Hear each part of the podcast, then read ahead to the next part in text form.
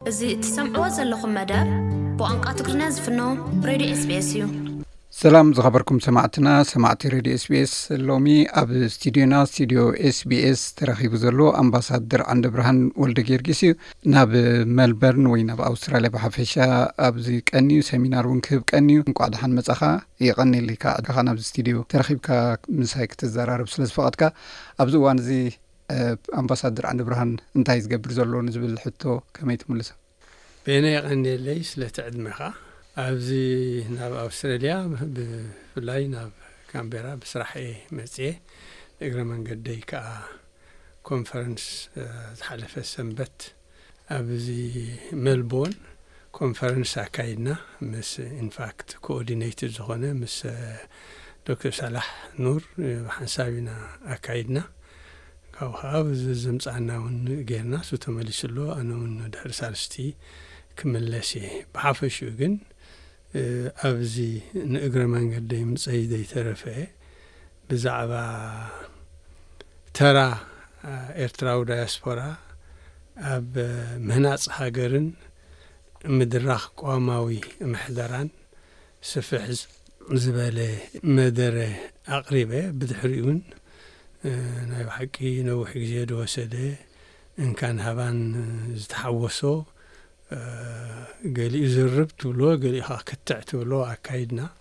ኣብኡውን ብካልእ ጉዳይ ኣብ ካንቤራ ምስ ከድኩ እውን ምስ ዝተፈላለዩ ኣብኡ ዘለዉ ኤርትራውያን ክራኸብ ብዛዕባ ህሉው ኩነታት እዚ ህሉው ክውንነት ናይዚ ኣብ ዳያስፖራ ዘሎ ብስም ተቓውሞ ዝነጥፍ ዝተፈላለየ ጉጅለታት እውን ኣብ ጽብብጽብብ ዝበለ ክንዘራረብ ኣብ ብዙሕ ጉዳያት ከኣኒ ዋላ ኣብ ሓደሓደ ጽቡቕ ናይ ሓባር መረዳእታ ተዘይሃለወ ኣብ ብዙሕ ጉዳያት ግን ክንረዳዳእ ክኢልና። ከምቲ ዘልዓልካዮ ኣብ ዲያስፖራ ኢኻ ዘለኻ፣ ፖለቲካ ናይ ዲያስፖራ እውን ትከታተሎ ኣለኻ፣ ብዛዕባኡ እውን ሰሚናር ከም ዝሃብካ ኢኻ ትነግረኒ ዘለኻ እሞ እንታይ እዩ ዘሎ ሕጂ እቲ ኣብ ዲያስፖራ ዘሎ ዝተፈላለዩ ዓይነት ምንቅስቓሳት ይካየድ እዩ ብኤርትራውያን ማለት እዩ ብፍላይ ኣብቲ ናይ ተቓውሞ ዘሎ ጉጅለ ማለት እዩ ከመይ ኢኻ ትግምግሞ? ብሓፈሻ።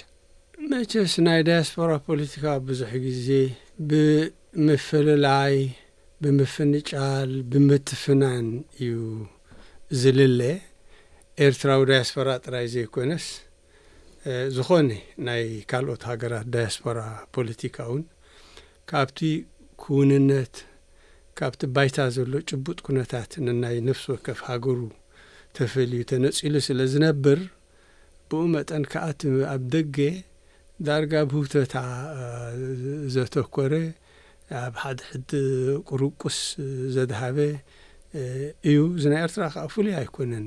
ብሓፈሽኡ ዋላ እቲ ኣብቲ ውሽጢ ናይቲ ዝጸንሐ ተቓውሞ ዝበሃል መዓት ኣፈላላይን ሕንፍሽፍሽን እዩ ዘሎ። ንዓይ ዝርደኣኒ ሕጂ ሓድሽ መሰረታዊ ለውጢ ናይ ኣሰላልፋ ክመጽእ ክኽእል ኣለዎ። እዚ ኣብ ደገ ዘሎ ኤርትራዊ ብቐዳምነት ብቐዳምነት፣ ምእንቲ ቐጻልነት ናይ ናጻ ልዑላዊት ሃገረ ኤርትራ ምስ ምሉእ ግዝኣታዊ ምሉእነታ ክቃለስ ከምኡ እንዳተቓለሰ ከኣ ኣብ ውሽጢ ሃገር ነቲ ዘሎ ሕማቕ ምሕደራ ምልካዊ ስርዓት ንምእላይ ቅዋማዊ ምሕደራ ንምድራኽ ክቃለስ ክኽእል ኣለዎ። እዚ ክልተ ዘይነጻጸል ክልተ መዳያት ናይቲ ቃልሲ እዩ።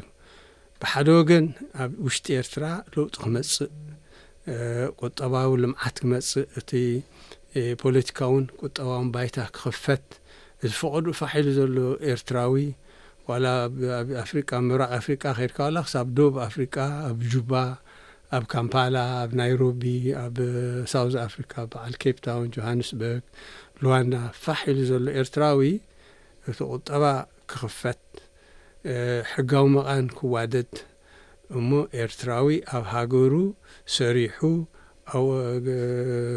ርእሰማሉ ኣውፊሩ ሃብቲ ክፈጥር መነባብርኡ ከመሓይሽ ስድርኡ ክዕንግል ኣብ ልምዓት ሃገር ከኣ ከሳትፍ ምእንቲ መሰረታዊ ቁጠባዊ ጽገና ወይ ለውጢ ክግበር ክኽእል ኣለዎ ግን ቁጠባዊ ለውጢ ንበይኑ ስለዘይመጽእ እቲ መሰረታዊ ፖለቲካዊ ለውጢ እውን ክመፅእ ክኽእል ኣለዎ። ፖለቲካዊ ለውጢ ክንብል ከለና ቅዋማዊ ምሕደራ ክመፅእ ክኽእል ኣለዎ። ግዝኣተ ሕጊ ክሰፍን ክኽእል ኣለዎ። መሰል ኩሉ ኤርትራዊ ክሕሎ ክኽእል ኣለዎ። ብሓፈሽኡ ከኣ ኣብታ ሃገር ቁጠባዊ ልምዓት ራህዋ ከስፍን ክኽእል ኣለዎ። ካብዚ ናይ ኩፖን ቁጠባ ክወፅእ ግዜኡ እዩ። ቅድሚ ሕጂ ወራር ወያነ ዶ መሬትና ተጎቢጡ ዶ ዝብል ምስምሳት ነይሩ፣ እኹል ምስምሳት ኣይኮነን፣ ንሱ ንገዛእ ርእሱ ቆም ካብ ምትግባር፣ ቆማዊ ምሕደራ ካብ ምኽታል፣ ቁጠባዊ ልምዓት ካብ ምምጻእ፣ ራህዋ ካብ ምስፋን ዝኽልክል ኩነታት ኣይነበረን፣ ከም ምኽንያት እዩ ዝጥቀም ነይሩ። ሕጂ ብመሰረቱ ኣብ ኤርትራ ተጎዲሉ ዘሎ ብኩራት ናይ ቆማዊ ምሕደራ እዚ ብደገ ዘሎ ኤርትራዊ ከኣ ቅዋማዊ ምሕደራ ንምድራኽ ኣብ ውሽጢ ኤርትራ ክቃለስ ካብቲ ዝጸንሖ እንታይ ትብሎ ኢነርሽያ ክወጽእ ብሓድሽ ኣተሓሳስባ ዋላ ካብዘን መብዝሕትኤን ጠፊሸን ዘለዋ ውድባት ዝበሃላ ወጺኡ ብውልቀ ደረጃ ምስ ተመሳሳሊ ኣረኣእያታት ዘለዎም ነዘን ክልተ ቀንዲ ዕማማት ኣብ ምስልሳል ክዋፈር ኣገዳሲ ኮይኑ ይስመዓኒ። ሕራይ ማለት ብዙሓት መንእሰያት ሕጂ ኣብ ተቓውሞ እንድዮም ተጸሚዶም ዘለዉ። ሕጂ ኣብ ገሊኡ ጽገና ዝብሉ ኣለዉ ከም ዘለዎ ማለት እዩ። ኣብ ገሊኡ ድማ ሬጂም ቼንጅ ዝበሃል ወይ ከዓ ብምሉእ እቲ ስርዓት ክእለ ኣለዎ ሓድሽ ስርዓት ክትከል ኣለዎ ዝብል ኣረኣያ ዘለዎም እውን ኣለዉ። ሕጂ ካብቲ ከተንጸባርቆ ዝጸናሕካ ቅዋም ይተግበር ማለት በቲ ዘሎ ስርዓት ዲኻ ትብል ዘለኻ ወይስ ሓድሽ ስርዓት ክኸ ክህሉ ኣለዎ ዝብል ኣረኣእያ እዩ ዘለካ ከምቲ ካልኦት ዝብልዎ ማለት እዩ ስለ ወይስ ከም ዘለዎ ክጽገን ኣለዎ ወይ ከኣ ክመዓራረ ኣለዎ ኣብ ኣብ ምንታይ ይረኣየኻ ንስኻ? ቅዋም እንድሕር ተተግቢሩ እንታይ ማለት እዩ? ሓደ እቲ ቅርጺ ናይቲ መንግስቲ ቅዋማዊ ቅርጺ ይሕዝ። ኣብ ክንዲ ሕጂ ኩሉ ስልጣን ኣብ ሓደ ፈጻሚ ኣካል ጽዒቑ ዘሎ እቲ ፈጻሚ ኣካል እቲ ፈራዲ ኣካል፣ እቲ ሓጋጊ ኣካል ነናሱ ስልጣን፣ ውሽጣዊ ቁጽጽር፣ ሚዛንን ቁጽጽርን ብዘለዎ ኣገባብ ቅዋም እቲ መንግስቲ ይቐውም ኣሎ ማለት እዩ። ሓድሽ ቅርጺ እተኣታተ ኣሎ ማለት እዩ መንግስቲ፣ ሓደ።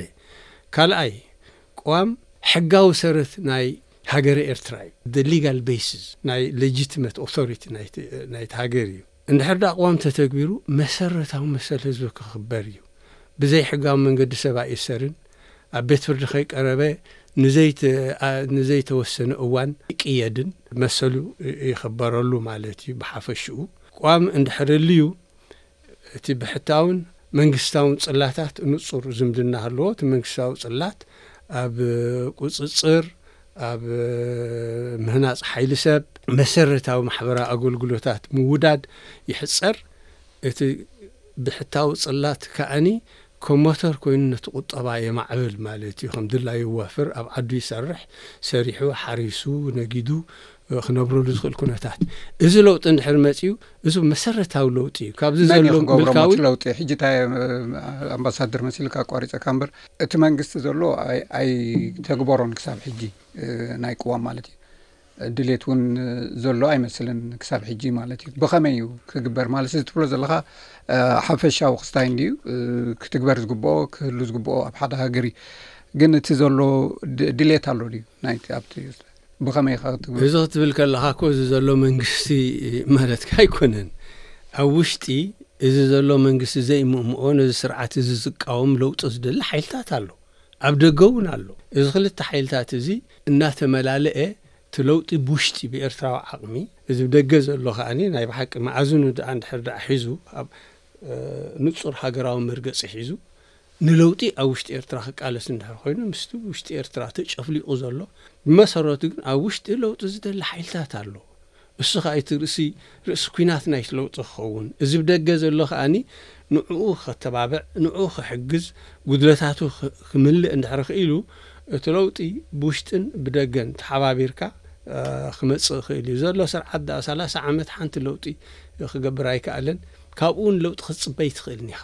እዚ ብመሰረቱ እቲ ኣሰራርሓ እቲ መሰረታዊ ለውጢ ክትብል ከለካ ብምሉእ እቲ ስርዓት ሓደ እንታይ መስለካ ለውጢ ክትብል ከለካ ናይ ፖሊሲ ናይ ፕሮግራም ናይ ኣካይዳ ለውጢ እዩ እዚ ዝፀንሐ ስርዓት ኣካይድኡ ፖሊሲኡ ፕሮግራሙ ርኢናዮ ኣለና ንለውጢ ዝምችእ ወይ ለውጢ ከምፅእ ዝኽእል ፅገና ከምፅእ ዝኽእል ስርዓት ኣይኮነን እቲ እዚ ተሓሳስባ እዚ እዚ ካይዳ እዚ ክቕየር ክኽእል ኣለዎ እዚ እንታይ ማለት እዩ ኣብ ውሽጢ ንገዛእ ርእሱ እተሰላልፈ ሓይልታት ንለውጢ ዝደሊ ቅዋማዊ ምሕደራ ክተክል ዝደሊ ነታ ሃገር ከልምዕ ህዝቢ ዝስስነሉ ኩነታት ፋሕ ኢሉ ዘሎ ዓዱ ተጠርኒፉ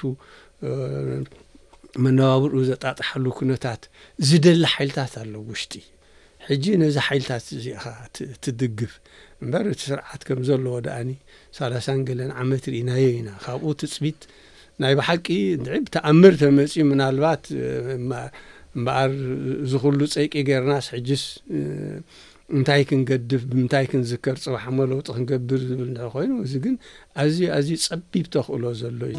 SBS Radio ኣብ ውሽጢ ኮይኖም ንለውጢ ዝደልዩ ከም ዘለዉ ግን እቲ ባይታ ከም ዘየለ ኢኻ ትገልጽ እሞ ብኸመይ እዮም ዳ እዞም ሰባት እዚኣቶም ናይ ለውጢ ሓይልታት ኮይኖም ክወፁ ምስቲ ኣብ ደገ ዘለውን ናይ ተቃውሞ ተላፊኖም ናብ ተግባራዊ ኩነታት ዝኸዱሉ መገዲ ብኸመይ ክፍጠር እንታይ መስለካ ኩሉ ግዜ ጭቆና ኣብ ዘለዎ ኩነታት ተቓውሞ ኣሎ። ተቓውሞ ኣብ ውሽጢ ኤርትራ ከም ዘሎ ርዱእ እዩ። ዝረኣ ነገር የለን፣ ምክንያቱ ቅልቅል ክብል ከሎ ስለ ዝጭፍለቕ። ብመሰረቱ ግን ተቓውሞ ኣሎ።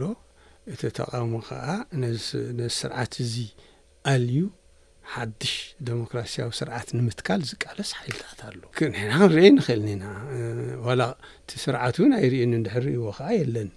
ስለዚ ቃልሲ ብብዙሕ መንገዲ እኮ ዋላ ኣመዓባብላ ብረታዊ ቃልሲ ህዝቢ ኤርትራ እንድሕሪ ርኢኻ ናይ ማሕበር ሸውዓተ፣ ምንቅስቓስ ሓርነት ኤርትራ ድሓር ዋላ እቲ ውሽጢ ተሰሪዑ ኣብ ውሽጢ ተወዲቡ ዝሰርሕ ክትርኢ ከለኻ ኣገባባት ናይ ቃልሲ ኣሎ። ኣገባባት ናይ ቃልሲ መጀመርያ እቲ ዝቃለስ ህላዊኡ ከረጋግጽ ክኽእል ኣለዎ መታን ዕላምኡ ክወቅዕ። ስለዚ እቲ ቃልሲ እቲ ተቓውሞ ኣብዚ እዋን እዚ ስቱር እዩ ዝርእ እውን የለን። ግን ቃልሲ ከም ዘሎ ግን ዝተፈላለየ ኣመታት ኣሎ ስለምንታይ ማእሰርትታት ኣሎ በብግዚኡ ስለምንታይ ምድስካል ናይ ሓለፍቲ ኣሎ በብግዚኡ ዋይ ቅልቅል ክብሉ ቁሩብ ኣንፈት ክርከብ ከሎ ዋላ እቲ እኹል ጭብጢ ተዘየለ እኹል እዩ ንሓደ ሰብ ከተደስክሎ ክትኣስሮ በዚ ዘሎ ሕጊ ኣልቦ ስርዓት ስለዝስ ኣብ ውሽጢ ዝረኣ ስለ ዘየለስ የለን ክትብል ኣይትኽእልን ኢኻ። ኣሎ እቲ ቃልሲ። ግን እቲ ሞጎታዊ መስርሕ ናይቲ ቃልሲ ንገዛእ ርእሱ ኣብ ሓደ ክሪቲክል ማስ ምስ በጽሐ ጥራሕ እዩ እንድሕሪ ድኣ እቲ ዕላምኡ ክወቅዕ ኮይኑ ሽዑ እዩ ክረኤ። ክሳብ ሽዑ ግን ዝረኣ ነገር የለን። ሕራይ ካብ ውሽጢ ሓሊፍና ምናልባት ናይ ወጻኢ ምዕባለታት ብፍላይ ኣብቲ ዞባ ዝምዕብል ዘሎ ኩነታት ንኤርትራ ብኸመይ ከም ዝጸልዋ ክንርኢ ንኽእል ኢና። ንኣብነት እዚ ምስ ኢትዮጵያ ብምስቲ ፌደራል መንግስቲ ምስ ሓድሽ ናይ ኣብይ መንግስቲ ፅቡቕ ዝምድናታት ተጀሚሩ ሕጂ ግን ዳርጋ ናይ ምፍልላይ እዩ ዘሎ። በቲ ሓደ ሸነኽ ድማ ሶማሌ ምስ ኢትዮጵያ ምስቲ ናይ ሶማሌላንድ ናይ ባሕሪ ምሕታት ናይ ኢትዮጵያ ምፍሕፋሕ ኣሎ። እዚታት ብጥቕልሉ ኣብቲ ዞባ ዝምዕብል ዘሎ ንኤርትራ ብኸመይ ክፀልዋ ናትካ ገምጋም እንታይ እዩ? መጀመርያ ኣብ ኢትዮጵያ ሓደ ብሄር ዝዕብልሎ ስልጣን ኣብ ዝመፀሉ እዋን ኢትዮጵያ ዘይብላ ኤርትራ ዘለዋ እሞ ክህልዋ ሃረር ዝብሉ እሞ ብምልካዊ ኣገባብ ከኣ ስልጣን ዝቆፃፀሩ ክመፁ ከለዉ ንኤርትራ ናይ ምጉባጥ ዝንባሌ ኣሎ ወይ ዝንባሌ ዘይኮነስ ተርእዮ ርኢና ኢና። ቅድሚ ሕጂ ስርዓት ሃይለስላሴ፣ ስርዓት መንግስቱ፣ እቲ ብወያነ ዝዕብለል ዝነበረ ስርዓት ናይ ኢህወደግ፣ ብኣብይ ወይ ብኦፒዲኦ ዝዕብለል ትርእዮ ኣለኻ። ብመሰረቱ ኢትዮጵያ ኣፍደገ ባሕሪ ተጠቃምነት ናይ ኣፍደገ ባሕሪ ክህልዋ ግቡእ እዩ። ግን እዚ ተጠቃምነት እዚ ብመሰረት ውዕል ሕቡራት ሃገራት ሕጊ ባሕሪ ምስታ መተሓላለፊት ሃገር ብልዝብ ብስምምዕ ልዑላውነታ ብዘይትንክፍ፣ ግዝኣታዊ ምልእነታ ብዘይትንክፍ፣ ጸጥታኣ ወይ ድሕነታ ብዘይትንክፍ፣ ረብሓኣ ብዘይትንክፍ ኣገባብ ብልዝብ ክግበር እከኣል እዩ። ኣገልግሎት ወደብሲ ከም ኣቕሓ ክሽየጥ ክልወጥ እከኣል እዩ። እቲ መተሓላለፊ እውን ከምኡ ምኽንያቱ ወፍሪ ስለ ዘድልየካ ንዕኡ ክትሰርሕ ክትጽግን እዝታት ግን ብናይ ሓባር ስምምዕ ክውንን እየ ባህርያዊ መሰል ኣለኒ ክውንን እየ እዚ ህውተታ እዚ ግን ኣዋጅ ኩናት እዩ ስለዚ እዚ ሕቶ እዚ በይኑ ርእሱ ዝኸኣለ ምስ ዝኾነ ምስ ምስ ኣብ ኢትዮጵያ ዘሎ ስርዓት ዋላ ኣብ ደቡብ ሱዳን ኣብ ምብራቕ ሱዳን ሕጂ ካብ ከሰላ ንፖርት ሱዳን ዶ ካብ ከሰላ ብባፅዕ ካብ ከሰላ ንባፅዕ ይሓፅርቲ ጉዕዞ ብፍላይ ሓድሽ ጽርግያ ብ ከረን ብ ኣፍዓበት ጌርካ ንባጽዕ እንድሕሪ መጽዩ ወይ ካልኦት ወደባት ክንገብር ትኽእል ኢኻ በዓል ማርሳ ተኽላይ ማርሳ ቁባዕ ማርሳ ጉልቡብ ኣለዋ ዓበይቲ ወደባት ክኾና ዝኽእላ ስለዚ እዚ ሓደ ነገር እዩ እዚ ንክትገብር ግን እቲ ኣብ ኢትዮጵያ ዝመጽእ ስልጣን ህላወ ናይ ናጻ ልዑላዊት ሃገረ ኤርትራ ነታ ብመሰር ኣብ ትሕቲ መግዛእቲ ብመሰረት መግዛእታዊ ውዕላት ዝተደኮነት ሃገር ነዚኣ ክ ክፈልጥ ክእመን ክኽእል ኣለዎ። እቲ ዶብ እውን ክምልከት ክኽእል ኣለዎ።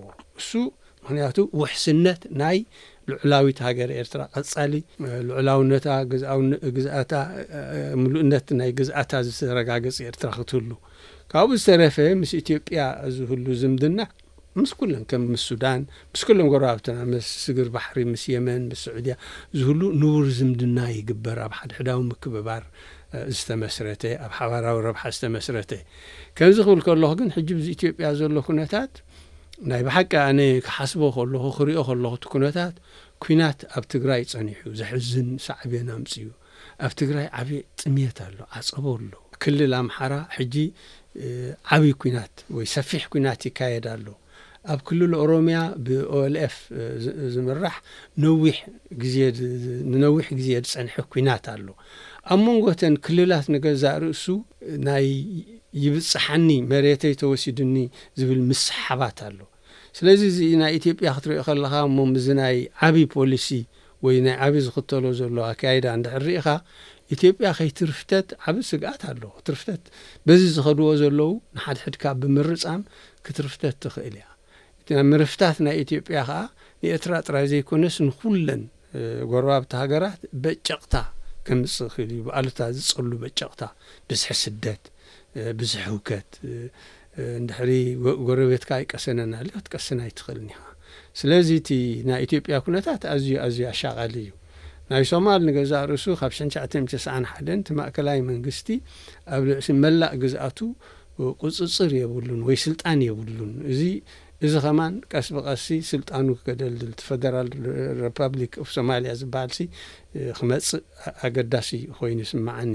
እቲ ዝኸፍኣ ኣብ ሱዳን ሕጂ እውን ኣሎ ንሪኦ ኣለና ኣብ መንጎ እቲ ምክትልን መራሕን ዝነበረ ብክልቲኦም ዝምራሕ ክልተ ሰራዊታት እቲ ሓደ እቲ ናይ ራፒድ ሳፖርት ፎርስ እቲ ሱዳኒዝ ኣርሚ ኣብ መንጎኦም ዘሎ ናይ ብሓቂ ማእለያ ዘይብሉ መቕዘፍትን ዕንወትን ይፍጽም ኣሎ ኣብ ሱዳን ስለዚ እቲ ዞባ ኣብ ቀጻሊ ናይ ኲናትን ህውከትን መቕዘፍትን ዕንወትን እዩ ዝርከብ ዘሎ ሕጂ እዚ መኸተምታ ክግበረሉ ክኽእል ኣለዎ። ነፍሲ ወከፍ ሃገራዊ ጉዳይ በቶም ደቂ ሃገር ባዕላቶም ማለ። ብደገ እውን ምትእትታው ኣሎ። ንኣብነት ዓረብ ኢማራት ኣላ ንኢትዮጵያ ብዓቢ ሓገዝ ትሕግዛ። ካልኦት እውን ናይ ምትእትታው ነገራት ኣሎ። ሕጂ እቲ ዞባ ኩሉ ግዜ ከምዚ ድዩ ክቕጽል ማለት ኣድላይነቱ ፍሉጥ እዩ።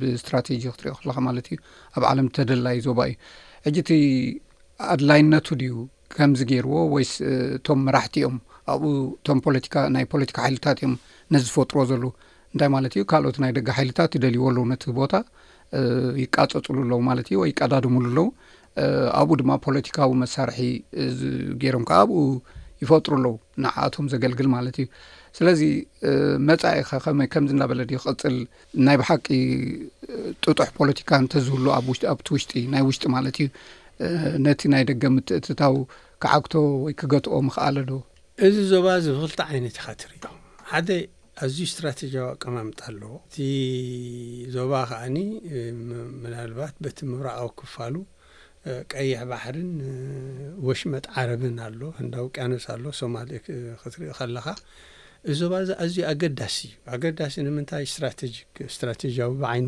ውትድርና፣ ብዓይኒ ሓይሊ ባሕሪ፣ ብዓይኒ ኣህጉራዊ ንግዲ መራክብ ንግድን ሓይልታት ባሕርን ናይ ዝተፈላለያ ኣብ ኣብ ጅቡቲ ዘለዋ ዳርጋ እተን ዓብ- ኣለዋ ዝበሃላ ዓበይትን ማእከሎትን ሓይልታት ኣብ ጅቡቲ መደበር ሓይሊ ባሕሪ ኣለወን። ስለዚ ስትራተጂያዊ ኣገዳስነት ናይዚ ዞባ እዚ ስሕበት ወይ ኣቓልቦ ናይ ብዙሓት ካብቲ ዞባ ወጻኢ ዘለዋ ሓይልታት ኣለዎ። ሓደ።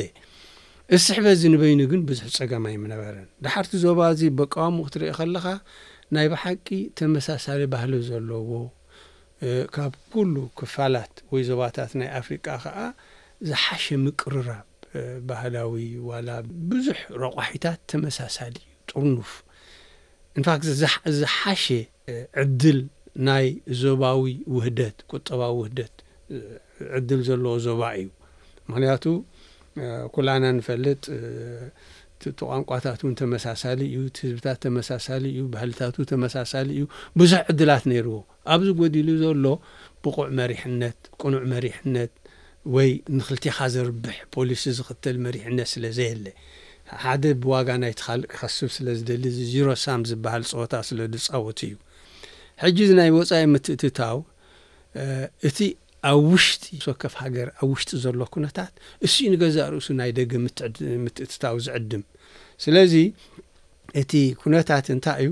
ግዳማዊ ሓይሊ ባዕሉ ኣይመጸካን እዩ ባዕልኻ እኻ ትዕድሞ ዘለኻ እቲ ሓደ ወይ እቲ ካልእ ወገን ይዕድሞ ኣብ ውሽጥኻ ምስ ኣተወ ከኣ ኩሉ ናቱ ናይ ገዛእ ርእሱ ረብሓ እምበር ናትካ ረብሓ ከገልግል ኣይኮነን ዝመጽእ ኣብ ውሽጥኻ ምስ ኣተወ ንምእንቲ ረብሕኡ ፋሕፋሕ ምባልካ እንድሕር ዘርብሖ ኮይኑ ፋሕፋሕ ከብለካ እዩ ንዓኻ ጨፍሊቑስ ታይ ክገብር እንድሕር ኮይኑ ዘርብሖ ከኣ ከምኡ ክገብር እዩ ስለዚ ግዳማዊ ምትእትታው ኩሉ ግዜ ንባዕዳዊ ረብሓ እዩ ዝመጽእ እዚ ስርዓታት እዚ whatever እቲ እቶም ተቓውምቲ ዝባሃሉ ዋላ ኣብ ሱዳን ዋላ ኣብ ኢትዮጵያ ዋላ ገለ ናይ ወጻኢ ሓይልታት ከየሳተፉ ሽግራቶም ባዕሎም ዝፈትሕሉ ከም ምናልባት ሕቡራት ሃገራት ወይ ኣፍሪቃዊ ሕብረት ወይ whatever ክልቲኦም ዝኣምንዎ ከዘራርቦም ይኽእል ብዝተረፈ ሓደ ግዳማዊ ሓይሊ ወይ ባዕዳዊ ሓይሊ ንሓደ ደጊፉ ኣንጻር እቲ ሓደ እንድሕር ኮይኑ ነቲ ግርጭታት የባእሶ የብእሶ ወይ የግድዶ እምበር ኣይፈትሖን እዩ። ሕቶታተይ ወዲኤ ዘለኹ ኣምባሳደር ዓንደብርሃን ምናልባት ክብሎ ዝደሊ ኣሎ ትብሎ ተልይካ ዕድል ክበካ ክልተ ደቒቕ። የቐንየለይ ኣነ ብዙሕ እኳ ዝበሃል የብለይን ግን ኣነ እንታይ ክብል እደሊ እዚ ኣብ ግዳም ዘሎ ናይ ዳያስፖራ ተቓውሞ ናይ ብሓቂ በዚ ሒዝዎ ዝጸንሐ መርገጺ ንርእሱ ካብ ኣበርክቶ ንለውጢ ኣግሊሉ ክበሃል ይከኣል። ለውጢ ከምጽእ እንድሕሪ ኮይኑ ሓደ ኣብ መንጎ እቲ ስርዓትን ኣብ መንጎ ሃገርን ህዝብን ዘሎ ፍልልያት ኣነጺሩ ክርኢ ክኽእል ኣለዎ።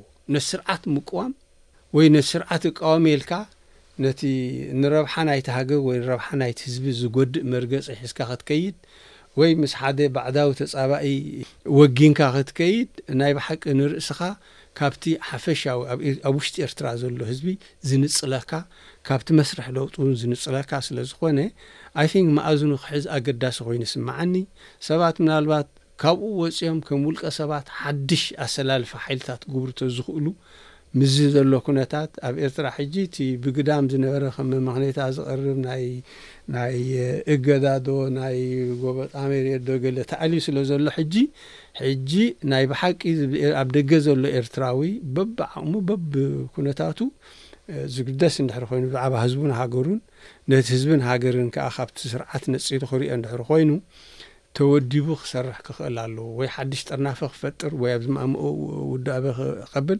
ብመሰረቱ ግን ቅኑዕ ሃገራዊ ማእዝን ክሕዝ ኣገዳሲ ኮይኑ ይስማዓኒ። ሕራይ የቐኔለይ ኣምባሳደር ዓንደብርሃን ወልደ ጊዮርጊስ ኣብዚ ኣብ ኣውስትራልያ ምብጻሕ ኣብ ዝፍጽመሉ ዘሎ እዋን ኢና ረኺብናዮ ኣብ ካልእ መዓልቲ ብካልእ ዛዕባ ይራኽበና የቐኔለይ ቐኔለይ ቤኒ ማሕበረሰብኩም ዘተኹም SBS ትግርኛ